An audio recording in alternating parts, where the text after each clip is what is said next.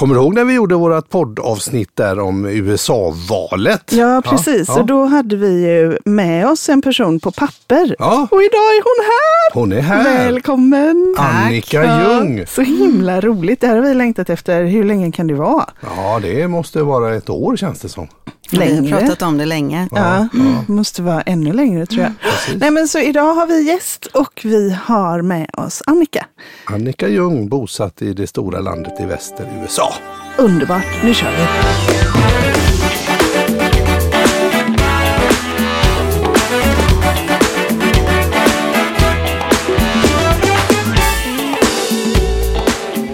Mikael, vad vet du om Annika? Ja, men vad vet jag om Annika? Ja, men jag tänker att det, det är ju eh, kusinen ifrån, eh, från USA och vi har träffats i Sverige ett antal gånger och jag vet ju att du jobbar på ett universitet och att du där undervisar. Och så var det så kul nog när vi pratade om det här valet och skulle Trump komma till makten eller inte och så lite alla turer som var kring detta. Och så tänkte vi ju på dig där. Vad roligt, skulle vara kul och Annika kom hit och pratade så här. Men det är väl vad jag vet egentligen att du jobbar med detta och eh, att du är bosatt i Burlington. Mm. Vad heter staten som den ligger i då? Vermont. Vermont, okej vad trevligt. Vad spännande. Ja, men precis. Och eh, vad vill du veta om Annika då? Nej, men jag tänker så här, eh, hörru du Annika, om någon som känner dig riktigt väl skulle presentera dig, vad skulle de säga då? Jo, jag tänkte, jag tänkte lite grann på det, denna frågan och, och jag tänker att eh, ehm, jag tänker mer att hur hoppas jag att de skulle presentera Ja, mig? Ja, ja, där. Bra. Ja. och då tänker jag väl omtänksam, eh, rolig Ja. att vara med, Ja, eh, intellektuell hoppas jag. Eh, och eh, intressant, empatisk, men lite tankspridd ja. förmodligen. Jag vet inte om jag hoppas att de säger det, men det Nej. är troligt. det är ett konstaterande Ja, konstaterande. Annika Ljung är tankspridd. Ja, faktiskt Ja, rätt så tankspridd. Ja, så. Fast nu tog du ju den saken som Annika Ljung är tankspridd. Annika Ljung är ju så mycket mer än tankspridd, Eller hur? tänker jag. Ja. De, de där första grejerna där. Ja, ja.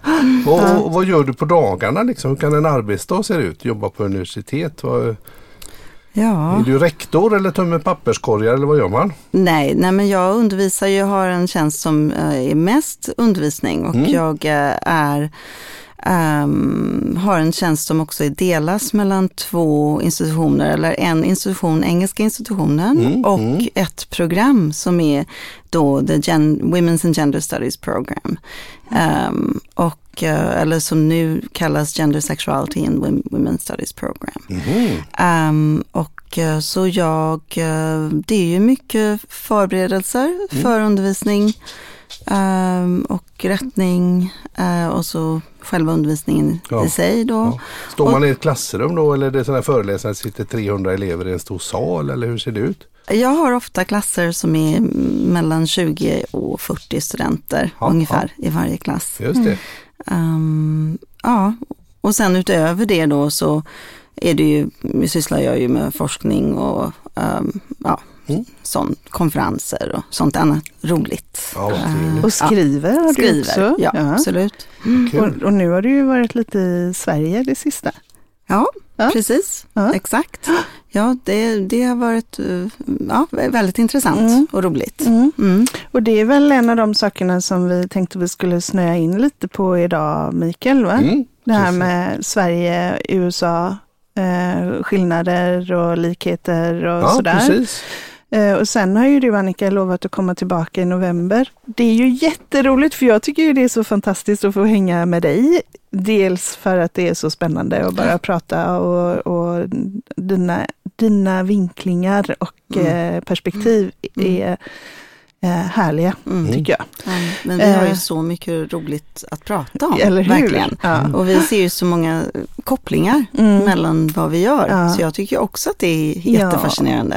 Ja. Så i november får vi dig med oss igen. Ja, Och då om då kommer vi prata lite och om det eh, lät ju spännande. ekofeminism. Just det, ekofeminist. Det vill jag höra jättemycket om. Mm, mm. Och så är jag nyfiken på idag också. ett ord som jag knappt kan uttala. Fenomen, fenomenologi. Var det rätt? Ja, Ja, det var rätt. för det har du lovat att berätta lite mer om också. Det är något som ligger dig varmt om hjärtat. Verkligen. Och jag har aldrig hört talas om det ens en gång. Nej. men jag ser ju bara du hör namnet så lyser du upp och Ja. blir alldeles glad. Ja. Så att eh, vad spännande. Och ni, ja, ni har ju Vi har känt Ja. varandra sedan jag var två månader. Mm. Eh, i två månader, egentligen lite mindre än två månader. Ja, du, precis, det var från dag ett ungefär. Ja, precis. Ja. Din dag ett Ja, har vi känt dag ett. varandra. Så vi är eh, kusiner och har eh, hängt ihop jättemycket Mm. Eh, när vi var små. Och sen tog du en avstickare med familjen Mm. eh, till USA eh, när, du, när vi var nio. Va? Mm. Och så kom du tillbaka, eller? Jo, Det Nej, var, det var när vi eh, gick i trean. ja, nej, t- Och- eh, ja, jag Tvåan. var väl åtta, nio Ja. då. Mm. Mm. Så då var ni borta i ett år. Ja, precis. Ja. Och, och sen eh, var ni hemma, vi har ju bott rätt nära varandra Mm. Mm. Eh, när vi var små då, men sen flyttade ni till eh, Stockholm. Precis. Eh, och då kom jag och hälsade på dig i Stockholm. och det var så roligt. Det var jätteroligt. Ja, det var väldigt roligt. Eh, Det var många äventyr. eh, men när flyttade du till USA? Och hur kom det sig att du hamnade i, i Burlington? Ja, jag tror eftersom jag bodde i USA när jag var Mm. liten så Mm. tror jag att det liksom mm, kändes inte så jättemärkligt eh, för mig då när jag, jag sökte stipendium för att åka dit.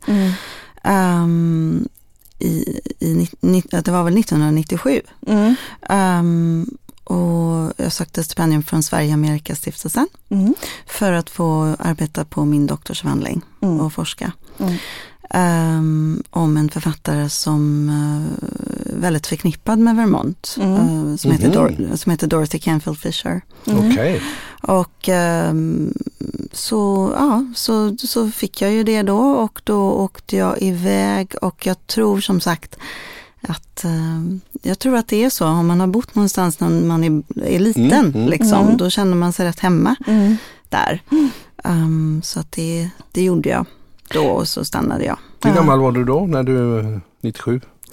Jag hur gammal var jag? 29 tror 29 jag. Ja, och då fick du det här stipendiet. Då. precis. Vad var det för författare? Säg det igen. Där. Eh, Dorothy Canfield Fisher. Ja. Mm. Och vad, vad gjorde att hon var så inte, eller att det skulle bli en doktorsavhandling? Ja, jo men det, hon, eh, ehm, jag började min, eh, mitt skrivande och min eh, forskarutbildning med ett väldigt stort intresse för Virginia Woolf. Mhm. Eh, och har fortfarande stort Mm. intresse för Virginia Woolf. Um, men när det kommer till att tillföra något nytt Mm. så var det ju lite besvärligt med Woolf på det viset att det är ju så fruktansvärt mycket skrivet Ja. om Mm. henne. Mm. Så min handledare, um, Harald Faulkner, Mm. som var fantastisk, Mm. han föreslog att eh, jag skulle skriva om Dorothy Canfield Fisher som jag då aldrig hade hört talas om när Nej, han just det. föreslog Men det var liksom lite besläktat ändå. Det var i samma Ja, region på något vis. På, på, på, ja, i varje fall tidsmässigt, Mm. eh, fast att Dorothy Canfield Fisher var i USA och Wolf i England. Men Mm. eh, Mm. absolut, eh, och då sysslade jag ju då också med um, fenomenologi, som Mm. vi ju sa, och det Canfield Fishers texter mm, lämpade sig rätt så bra Mm. att se på från ett fenomenologiskt perspektiv. Spännande. Så vad är ett fenomenologiskt perspektiv? Ja, exakt. Jag har aldrig hört talas om detta. Och så tar du det, för nu har du ju semester, så att nu är ju ändå semesterhjärnan påkopplad, tänker Ja. jag. Så ta det för, liksom, vad, om man, hur kan man förklara fenomenolo, fenomenologi på... Jo, men alltså det är ett väldigt intressant, eh, ehm, vad kan man säga, område. ehm, som egentligen, jag tror, hade sitt genombrott med en filosof som heter Edmund Husserl. Mm. Och han skrev en bok som hette Logical Investigations. Mm. Eller han skrev ju då inte på engelska, men det är engelska översättningen. Ehm, och den kom ut 1901. Jaha. Och i den så utmanar han ehm, vad, han, vad man skulle kunna, kunna kalla på engelska för the hegemony of the natural sciences. Han utmanar alltså ett tankesätt som är enbart baserat på ett vetenskapligt Mm, perspektiv. naturvetenskap, Ett naturvetenskapligt perspektiv. Ja, han utmanar det. Han utmanar det. Mm, mm, Och sen får han följeslagare. mm. Han, jag skulle vilja säga att hans arbete påverkar den filosofiska inriktningen av hela det kommande århundradet, 1900-talet. Eh, på det viset att mm, till och med sådana filosofer som vi kanske känner bättre till som Jean-Paul Sartre, Mm. Simone de Beauvoir, Mhm. de, vad de gör kommer liksom ifrån fenomenologin, existentialismen som Mm. Mm. kommer ifrån fenomenologin. Ehm, och Spännande. Ja, och det är e- ett eh, sätt att eh, sätta fokus på den upplevda eh, världen snarare än, än något slags eh, bevisbar eh, värld som man kan bevisa Mm. finns eh, rent empiriskt. Den upplevda världen Ja, den kon- kontra upplevda. liksom Ja, fysikens Ja. lagar ungefär. Ja. Sådär. Att man, Ja. ja, vad spännande. så om man ska mm, kanske bara mm, förkorta, vi ska ju ses i november Mm, och prata om mm. ekofeminism och då kommer jag kanske prata mer om fenomenologi Mm, också. mm, Men om mm. man ska bara säga det lite i kortare ordalag så um, skulle man kunna säga att um, fenomenologin um, tittar på den upplevda världen som mer grundläggande och mer betydelsefull än den bevisbara naturvetenskapliga världen när det kommer till vad som är grundläggande i vår existens. Alltså. Mm. Så det vill säga, om du tänker dig att du har en empirisk syn, då tänker du, ehm, jag ser en blå himmel Mm. och, ja, men, och det kan vi ju verifiera Mm. på grund av att allt vi vet om hur färg uppfattas Mm. och, och hur Ja, vetenskapligt molekyler det i funkar. Precis. Atmosfären och så Ja. ljuset eh, Ja. filtreras på det Ja. sättet blir det Mm. blått och, Ja. och en eh, regnbåge kommer till så och sådär. Precis, man, har, man har liksom eh, Ja, fysiska bevis Ja. för hur det funkar. och då, och då så, kan, så är det religion då? nej, Nej. nej, då kan man också säga då att att då, då, som Husserl till exempel, Mm. då sa han, ja men så är det ju. Det är ju jättebra att vi vet det. Mm. Mm. Det är jätte, väldigt intressant och bra och viktigt också. Mm. Mm. Men att om vi ser det som utgångspunkten i vår analys av vad det innebär att eh, vara människa Mm. då, och att finnas till, då, då är vi liksom illa ute, menade han. Mm. Mm. Därför att eh, då kan ju allting eh, bli ja, Tråkigt låter det som Ja, då, men eller? och, all, och allting kan också, det kan leda till en situation som ehm, blir lite farlig. Och det plockade eh, en annan filosof som heter Martin Heidegger Mm. upp eh, i, i sitt skrivande efter, Mm. efter, efter Mm. Husserl, där han eh, skrev om faran med att ha ett, ett för teknologiskt perspektiv, Mm. helt enkelt. Och på vilket sätt skulle det vara farligt då? Jo, men om, om du har ett absolut så kallat objektivt perspektiv Mm. Och inte inser att, som Husserl skulle säga, att det objektiva perspektivet också är en konstruktion faktiskt, Mm. som mm. du har hittat på. Mm. Men du, inte, du inser inte det, utan du tror att det objektiva perspektivet faktiskt är Mm. absolut verklig, verklighet. Då kan det också legitimera en hel del eh, handlingar eh, som du anser är logiska Mm. Mm. utifrån det. Eh, och detta skulle då kunna innefatta handlingar som också är, som kan leda till eh, f- olika former av, av grymhet eller eh, Mm. orättvisa. Mm.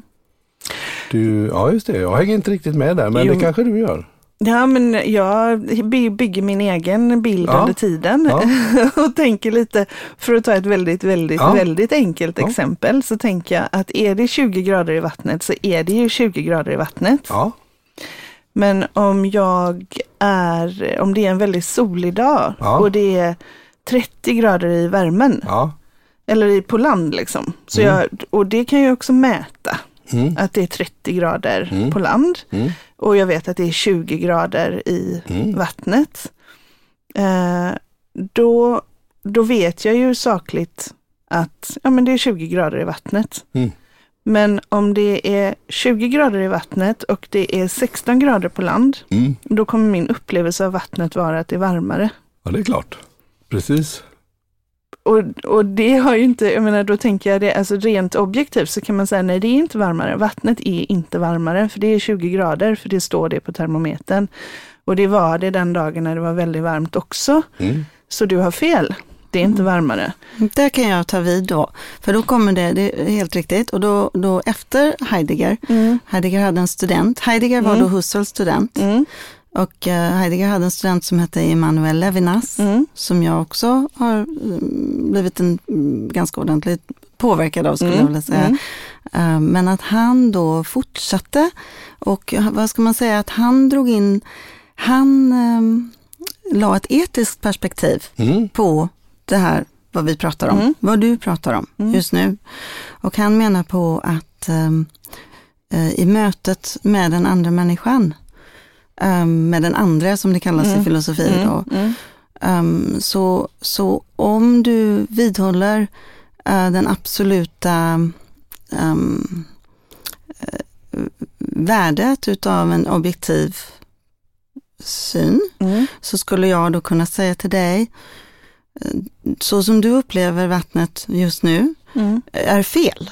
Ja. Ja, och då enligt Levinas, Ja. i hans filosofi, när jag gör det, Ja. då reducerar jag dig, Mig. den andra, Mm.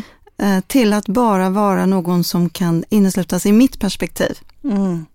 Förstår du? Mm. Jag ser inte att du har ett annat perspektiv Nej. som är baserat på ett väldigt grundläggande sätt på din upplevelse. Av temperaturen. Ja, Ja. eller vad det Mm. nu än ja, är. Ja, precis. Ja. Mm.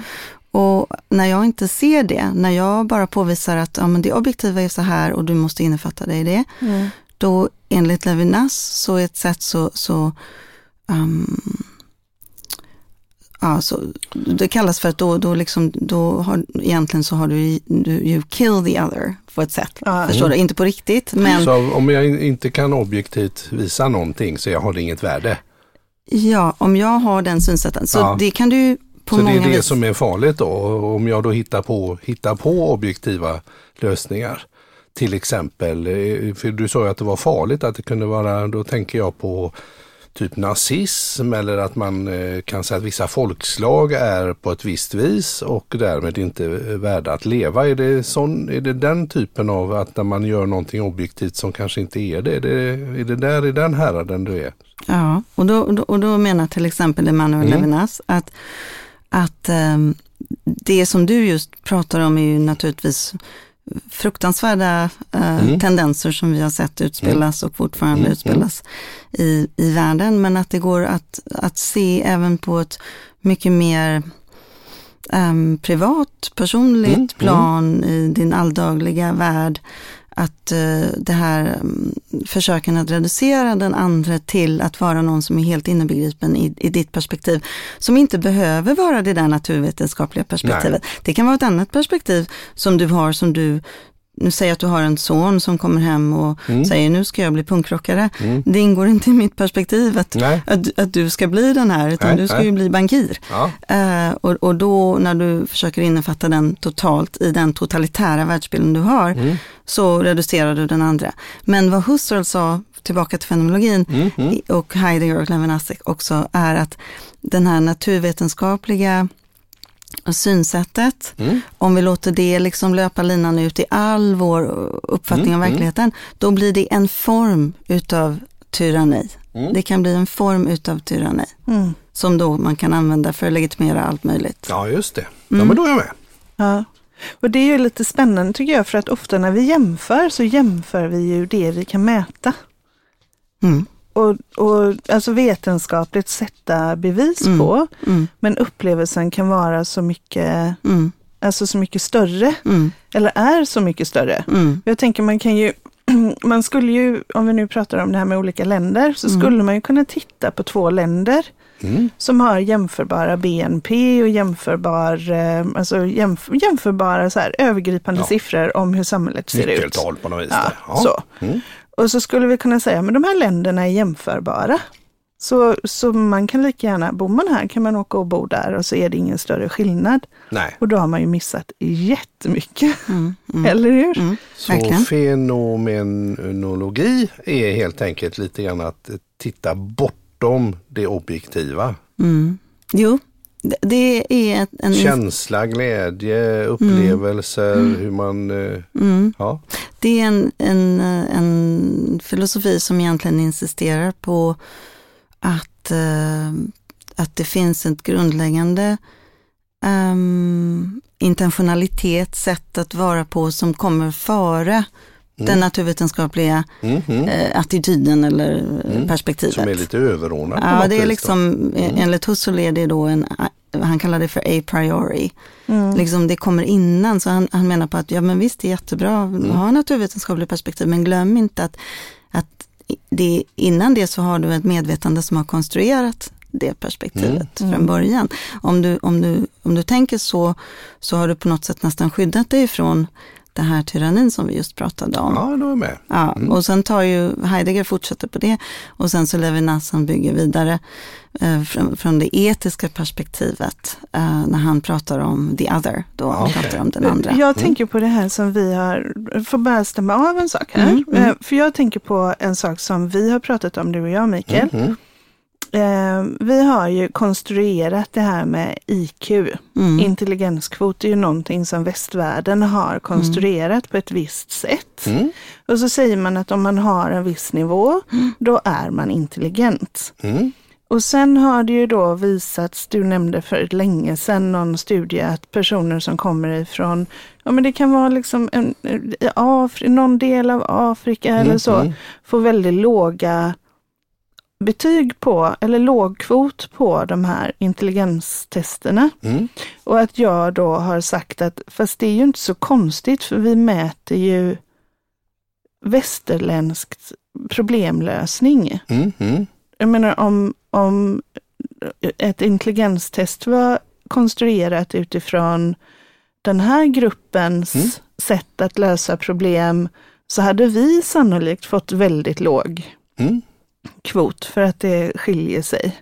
Mm. Det låter ju troligt. Men, men är det här också, alltså det här man säger så här mäter vi intelligens, blir det också någonting som fenomenologerna skulle säga, hmm, Mm, absolut, jo men det är ju ett, ett, ett bra exempel på att man då har utgått ifrån ett så kallat eh, eh, västerländskt eh, naturvetenskapligt, eh, mm, tek- kanske mm, på många sätt västerländskt perspektiv och då Mm. sagt att detta är vad vi kallar det för intelligens. Och det kan ju vara väldigt många människor som är intelligenta på väldigt många olika sätt som absolut inte platsar eh, I den i, den, i den, inom den ramen. Och, Mm. men så, det är ju därför det blev så fruktbart för så många andra filosofer som till exempel Simone de Beauvoir, mm, som är ju en feministisk eh, Mm. förgrundare som skrev då eh, Det andra könet. mm, Um, um, runt ja, 1949. mm, Därför att eh, hon kunde använda sig av de, den här eh, metodologin eller filosofin för att då lyfta fram att kvinnor rent historiskt sett, rent eh, systematiskt eh, eh då har setts eh, som, har, har blivit sedda som någon slags andra klassens varelser. Mm. Och det vill säga att de, deras erfarenheter var, you know, nej förlåt nu pratar jag engelska, deras erfarenheter om det gäller barnafödande eller om det gäller bara upplevelse av hur det är att vara kvinna i världen, oftast kanske har blivit nedtystade eller inte tag, tagna på allvar. Um, och det har helt enkelt inte funnits någon plats för att ens, um, att ens um, Att ha ett förstå det. Ja.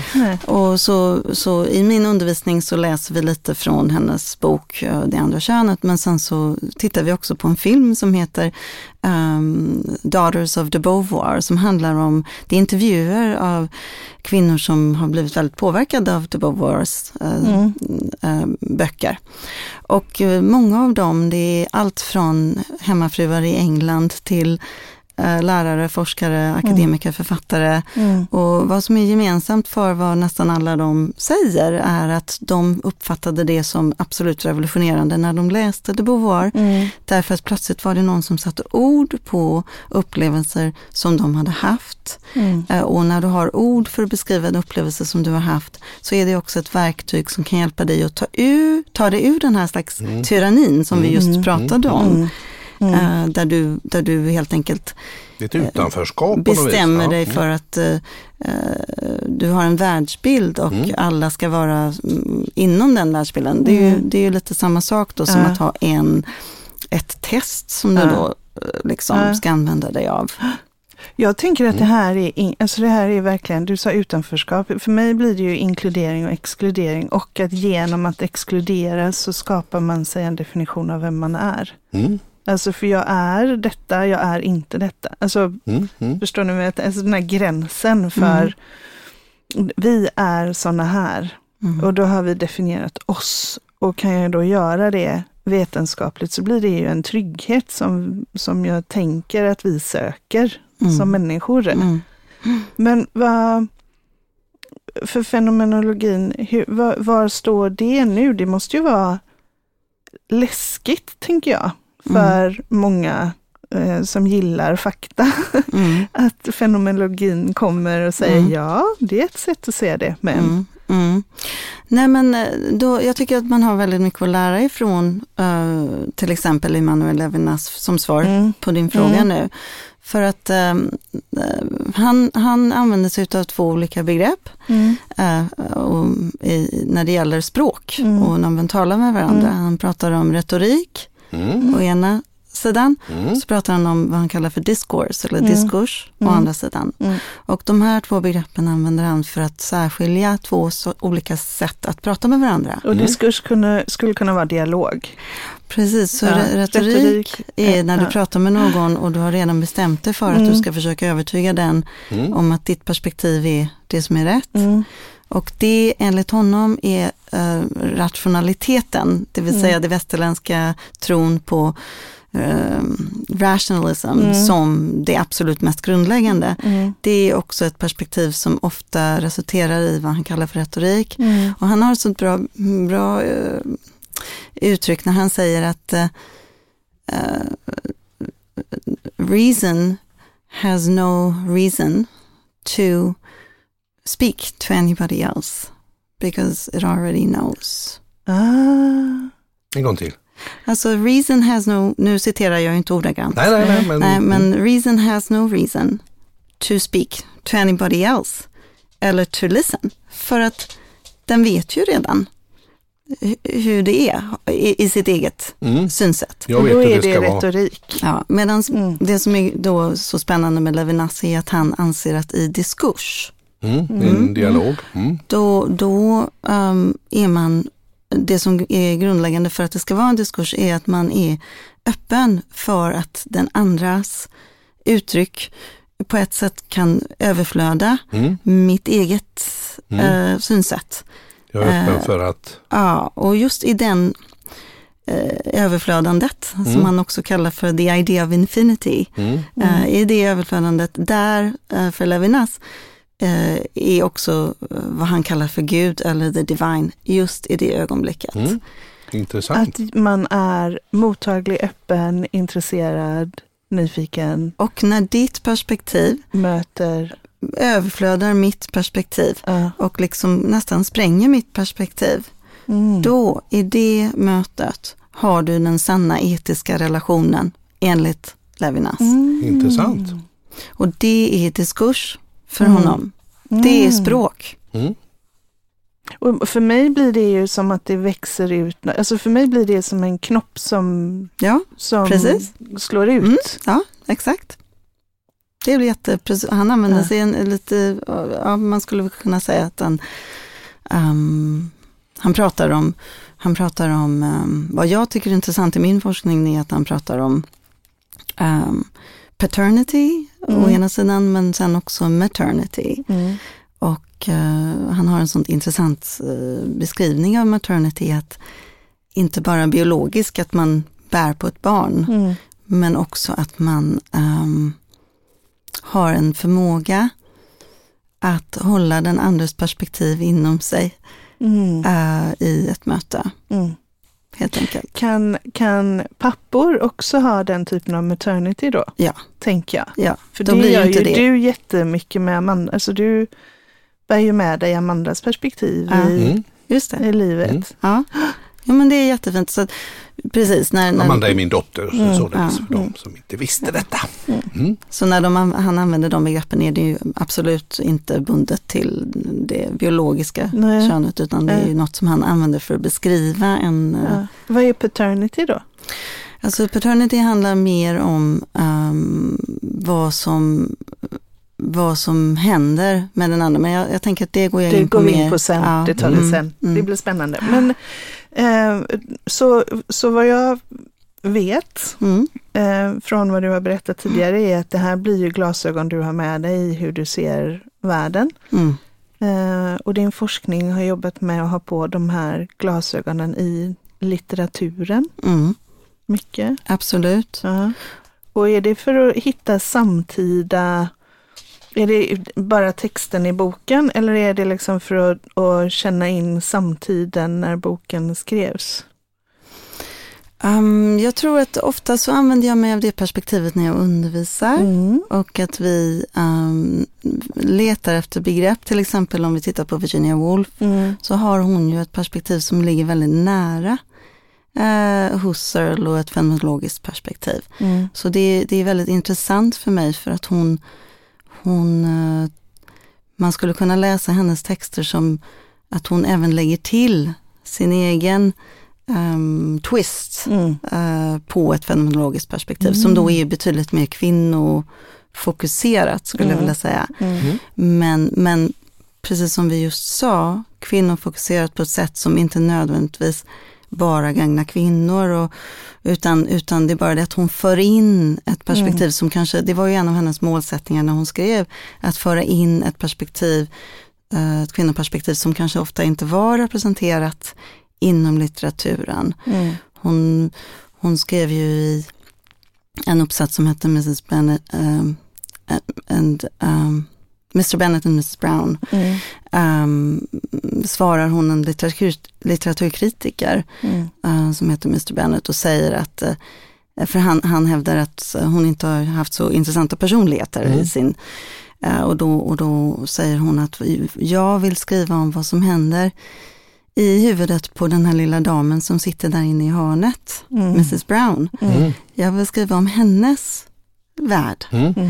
Ehm, så men tillbaka lite också till vad vi var. Jag, jag ser Mm. en, en fortsättning på vad vi just diskuterade. ehm, om olika former av Mm. språk och Mm. retorik och eh, en, en, en samband Mm. med ehm, olika länder och Mm. titta på och jämföra och så. Mm. Och det är ju att ehm, det som vi ser i världen idag med polarisering.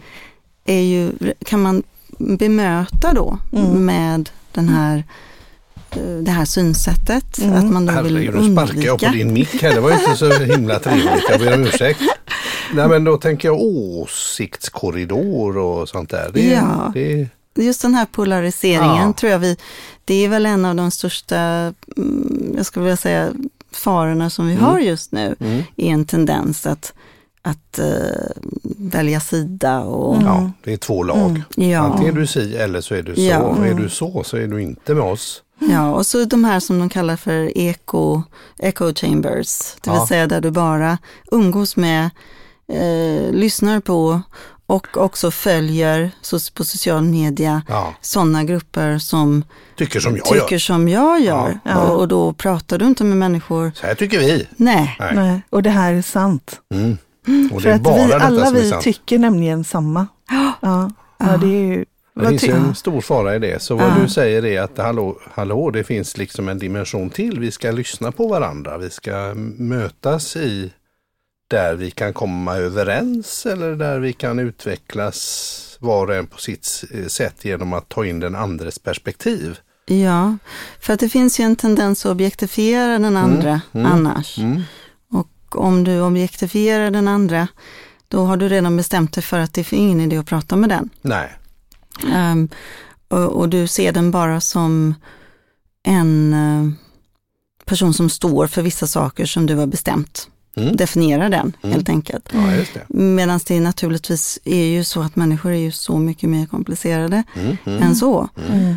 Um, så att uh, om du då får för vana att bara liksom skriva av människor beroende på dina egna åsikter till exempel. Ja. Du kan ju vara på, jag menar vi lever ju den här faran av den här cancel culture mm, nu. Exakt. Så exakt. Att, uh, ett sätt att komma förbi cancel culture är ju om vi kan utbilda oss själva att inse att vi, vårt perspektiv är begränsat. Ja. Um, så det blir ju, bara det i sig mm. är ju ett sätt att utmana det här objektiva, naturvetenskapliga eller vad man ska kalla det perspektivet. Mm. Mm. Om du går ut i världen och från början har en uppfattning om att ja, men det finns en begränsning för eh, hur mycket mm. jag förstår, mm. då har du mm. ju genast ett helt annat synsätt på människor som bygger då möjligheter för helt andra relationer. Man bygger på nyfikenhet. Jag tänker på det här med nyfikenhet och Mm. Ja, det ligger ju väldigt nära. Det är ju inte så konstigt att du och jag håller med varandra ofta när vi pratar. Nej, verkligen inte. Nej, det är det jag menar när vi har gått och promenerat och så.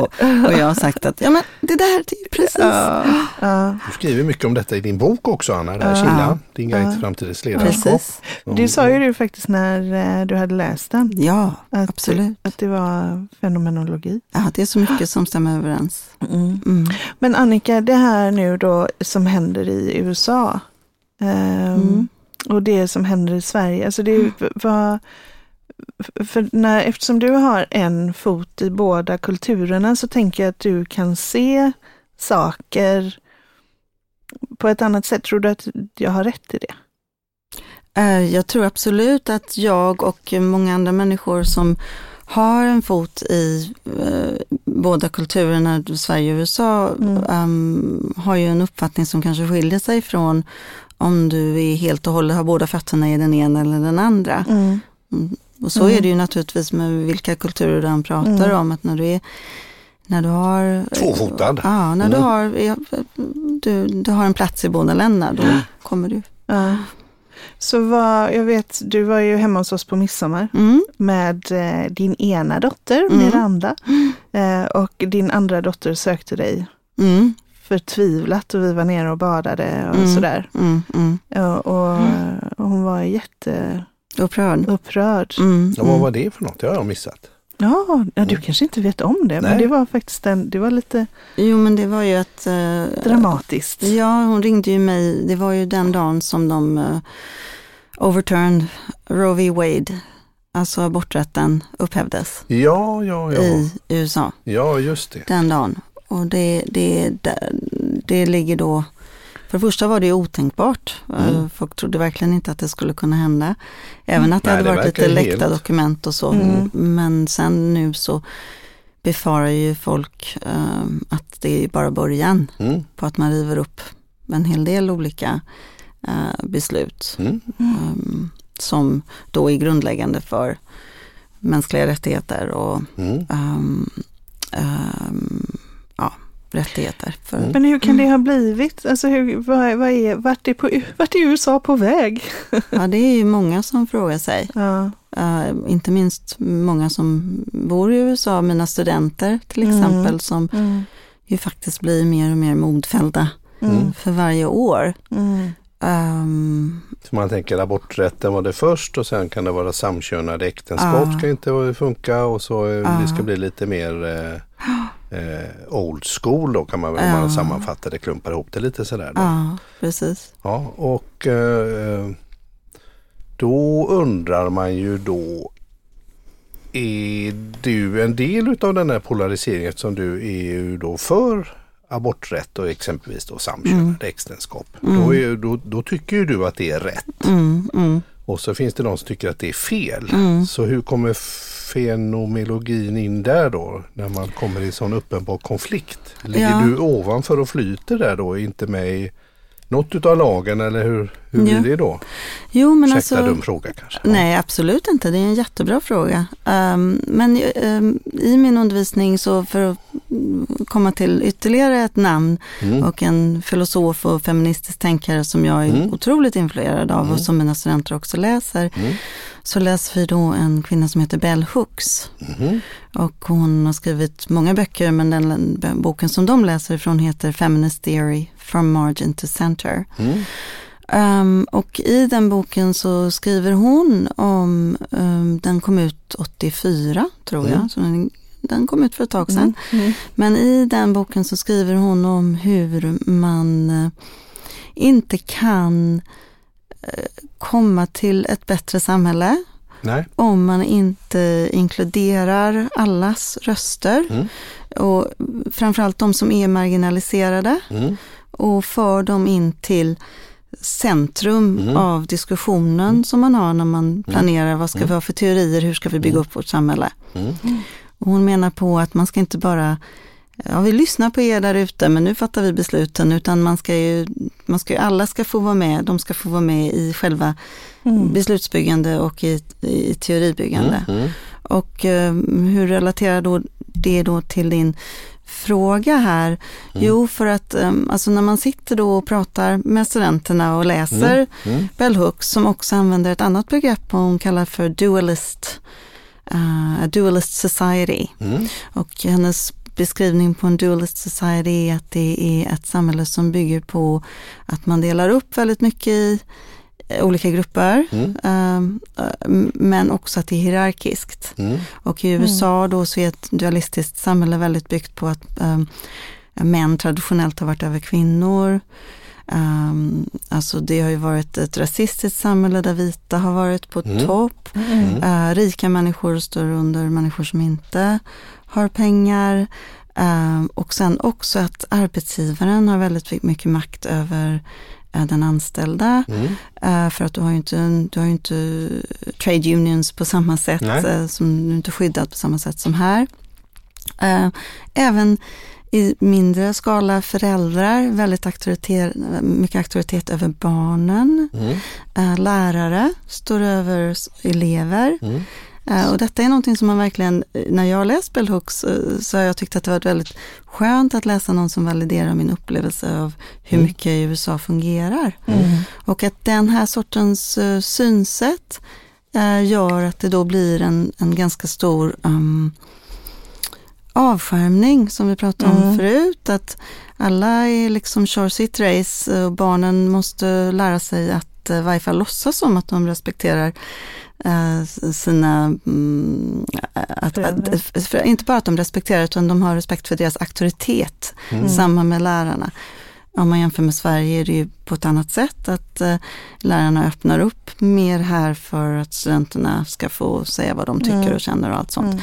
Så i alla fall när jag pratar med mina studenter Mm. så är det ju ofta så att de har ju oftast eh, dessa åsikter också Mm. för aborträtten, Mm. för Mm. Mm. Eh, Men att de ofta hamnar i situationer där deras åsikter ehm, gör att de nästan känner att de måste ta avstånd ifrån till och med människor inom sin egen familj ibland Mm. eller släkt. Mm.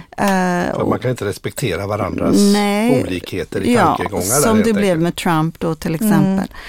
Eh, men att då, då vi, nu har ju inte jag naturligtvis lösningen på allting, men vi Nej, nej, spenderar nej, ganska nej. mycket tid med att prata om hur kan man göra det som är svårast av allt? Mm. Det vill säga hur kan man stay i the dialogue? Mm. Alltså Mm. stanna in kontakt, Mm. inte skära av, Nej. inte putta bort, Nej. inte säga nej, jag har inget med dig att göra.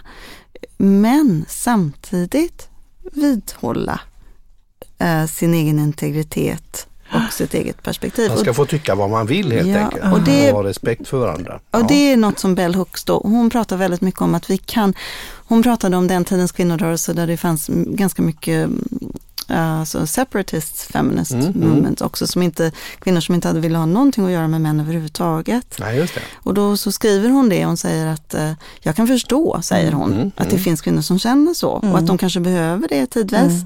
tidvis, men att det är inte vägen framåt i det långa loppet. Nej. I det långa loppet är vägen framåt en kärlek och dialog. Mm. Gud vad spännande, Ja, det är tycker jag. För jag ja. tänker det här som, Men då höjer man ju lite perspektivet och går Mm. inte kanske in så specifikt i detalj utan det är ju mer en filosofi eller mer en, Ja. en, en, en, en större tanke. jag där. tänker Mm. vi har ju också haft det här, eller jag har ju haft ett problem med att eh, eh, vi har ju haft partier i Sverige som har eh, eh, fått jättemånga röster, Sverigedemokraterna. De har fått jättemånga röster så de har haft nästan 25 procent av röstberättigade har valt att rösta på dem.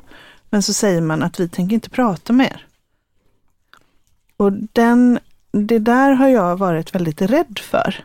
För att, inte för att jag på något sätt sanktionerar deras åsikter, men jag är rädd för konsekvensen av att säga att vi tänker inte lyssna på er. För, för jag är rädd för vad det kommer att leda till Mm. i sin tur. Ofta blir det ju så att om man stänger ute Mm. folk så växer ju det ofta i det tysta då Mm. istället. Mm. Eh, Så att, om, eh, att, lys- att prata med någon innebär ju inte att man håller med Nej, om vad de säger. nej. Nej, precis. Utan det är ju bara en, en slags, ehm, om man går tillbaks till Levinas då, det är ju, Ja. som han säger, det är ju en slags ehm, commitment. Mm. Alltså att man, man respekterar den andra tillräckligt mycket för att eh, Mm. för att hedra dens perspektiv, att, att den har ett perspektiv, Ja. att, det, att den är ett subjekt, Mm. även Så om man inte håller med om vad den säger. Nej, men precis. Men vad skulle du säga är den, alltså för, för polarisering är ju en stor, det är ju en stor del i USA. Mm. Ehm, och vad, vad skulle du säga är, hur skiljer sig Sverige och USA? Om man bara skulle liksom, det här är USA, så här funkar USA, så här funkar Sverige. Vad, vad är rubrikerna på det du ser? Jättelätt fråga, men semesterhjärnan påkopplad. Ja, ja, överhuvudtaget. Alltså, det är ju så svårt att säga för att USA är ju liksom inte bara en sak, Nej. utan det finns ju så många olika ehm, Men det finns ju sånt som drar dig till att vara i USA, ja, absolut. utöver döttrarna. Ja, absolut. Jo, jo, jo. Och så finns det sånt som drar dig till att vara i Sverige. Mm, mm. Nej, men alltså om man går tillbaka till det här med polariseringen, så, så tycker jag att jag ofta springer på väldigt paradoxala situationer. Mm. Så att ehm, när man är då i Vermont, Mm. som är Bernie Sanders hemstat, Ja. Just det. med väldigt mycket progressivt Ja. tänkande vad det Ja. gäller politik, ehm, då, när man är där, Mm. då kan man ju ofta, då när man kommer till Sverige, Mm. till Stockholm eller Göteborg, Ja. då, då känns det lite ibland som upp och nervända världen. Att Ja. det är nästan så att det är mer svenskt i Vermont Jaha. än Än vad det i Sverige. i Sverige. För att i Sverige Intressant. har man kanske köpt, Sverige är ju ett mindre, alltså det är ju inte lika mycket människor så att eh, amerikanska tendenser genomsyrar eh, Sverige ganska, Mm. ganska fort Mm, ibland. Mm. Mm. Ehm, så att det som vi ofta kallar för ett amerikanskt synsätt kan på vissa sätt då Mm. slå igenom här. Men sen finns det ju i Sverige de här absolut grundläggande värderingarna och också även viktigare ett samhällsbygge Mm. som bygger på, du har ju betald föräldraledighet och du har ju ett sjukvårdssystem som är öppet för alla och du har ju rösträtt Mm. för alla, det vill säga människor som även som sitter i fängelse får rösta, så Mm. är det ju inte i USA, och, eller i varje fall i vissa stater. Um, så att du, du, du har ju en, en, en trygghet Mm. eh, i Sverige som ett skyddsnät Mm. naturligtvis, Mm. det vet ju vi alla, Mm.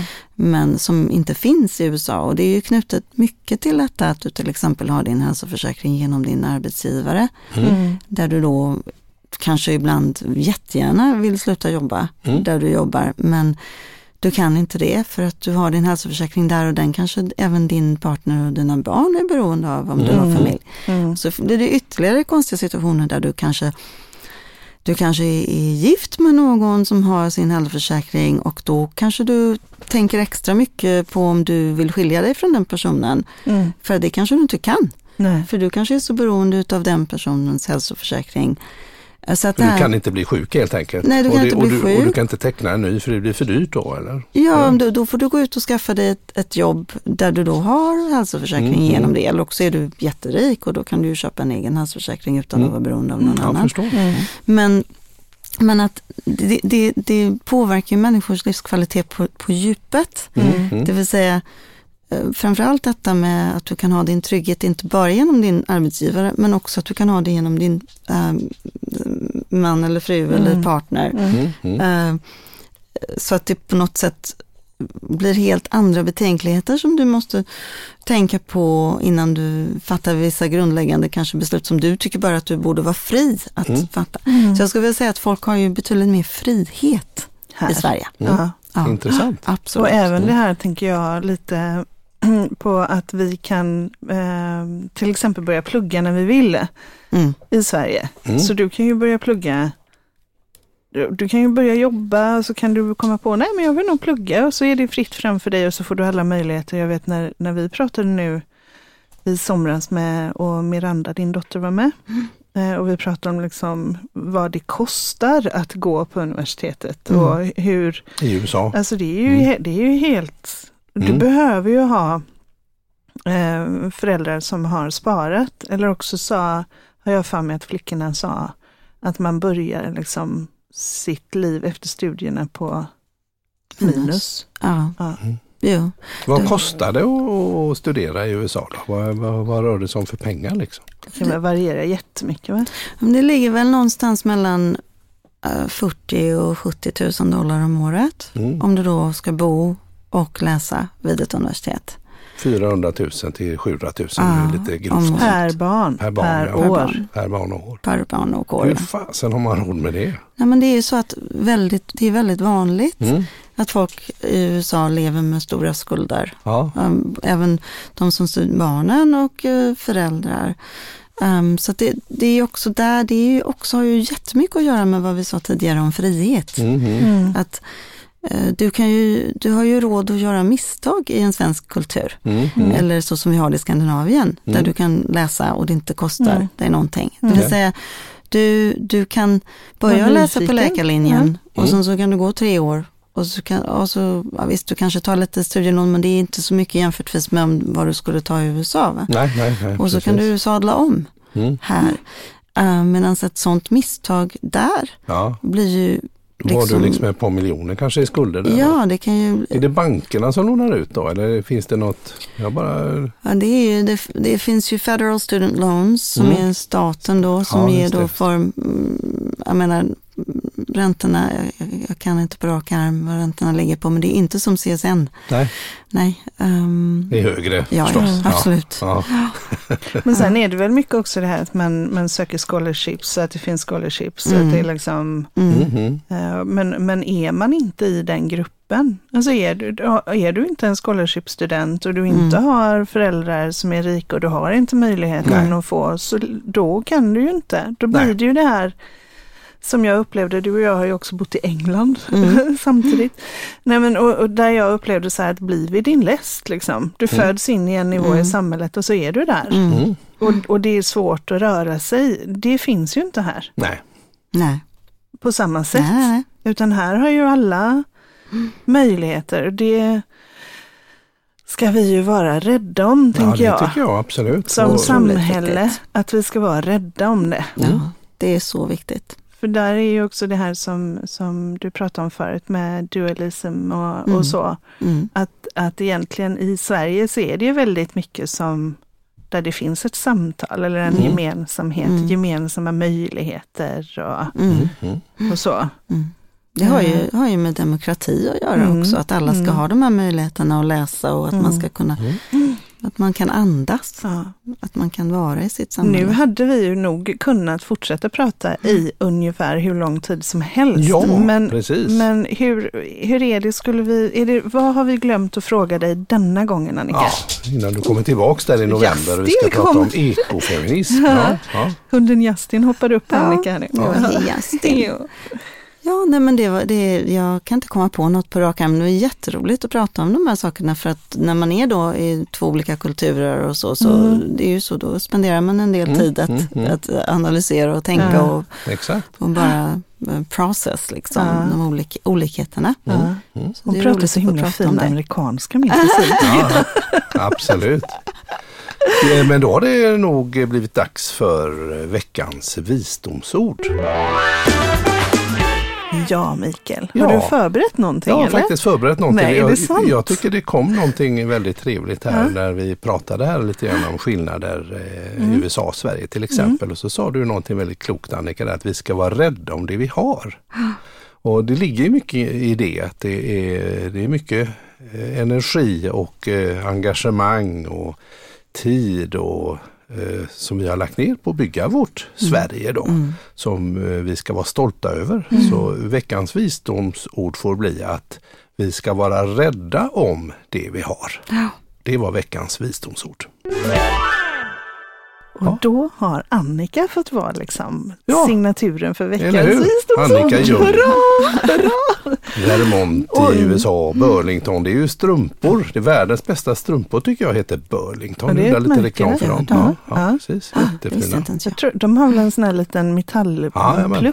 på sig också. Exakt. Eh, om man är nyfiken på Annika så kan man googla Annika Ljung. Mm. Och då finns det ju en massa information. Du har ju skrivit eh, en massa papers och, och eh, doktorsavhandling. Och, Precis, Så och massa vidare. referenser där tänker jag också Mm. till alla de här filosoferna Ja. och författarna som du nämner vid namn. De finns ju säkert där länkade lite trevligt. Mm. Eller hur? Precis. Det är fantastiskt. Ja.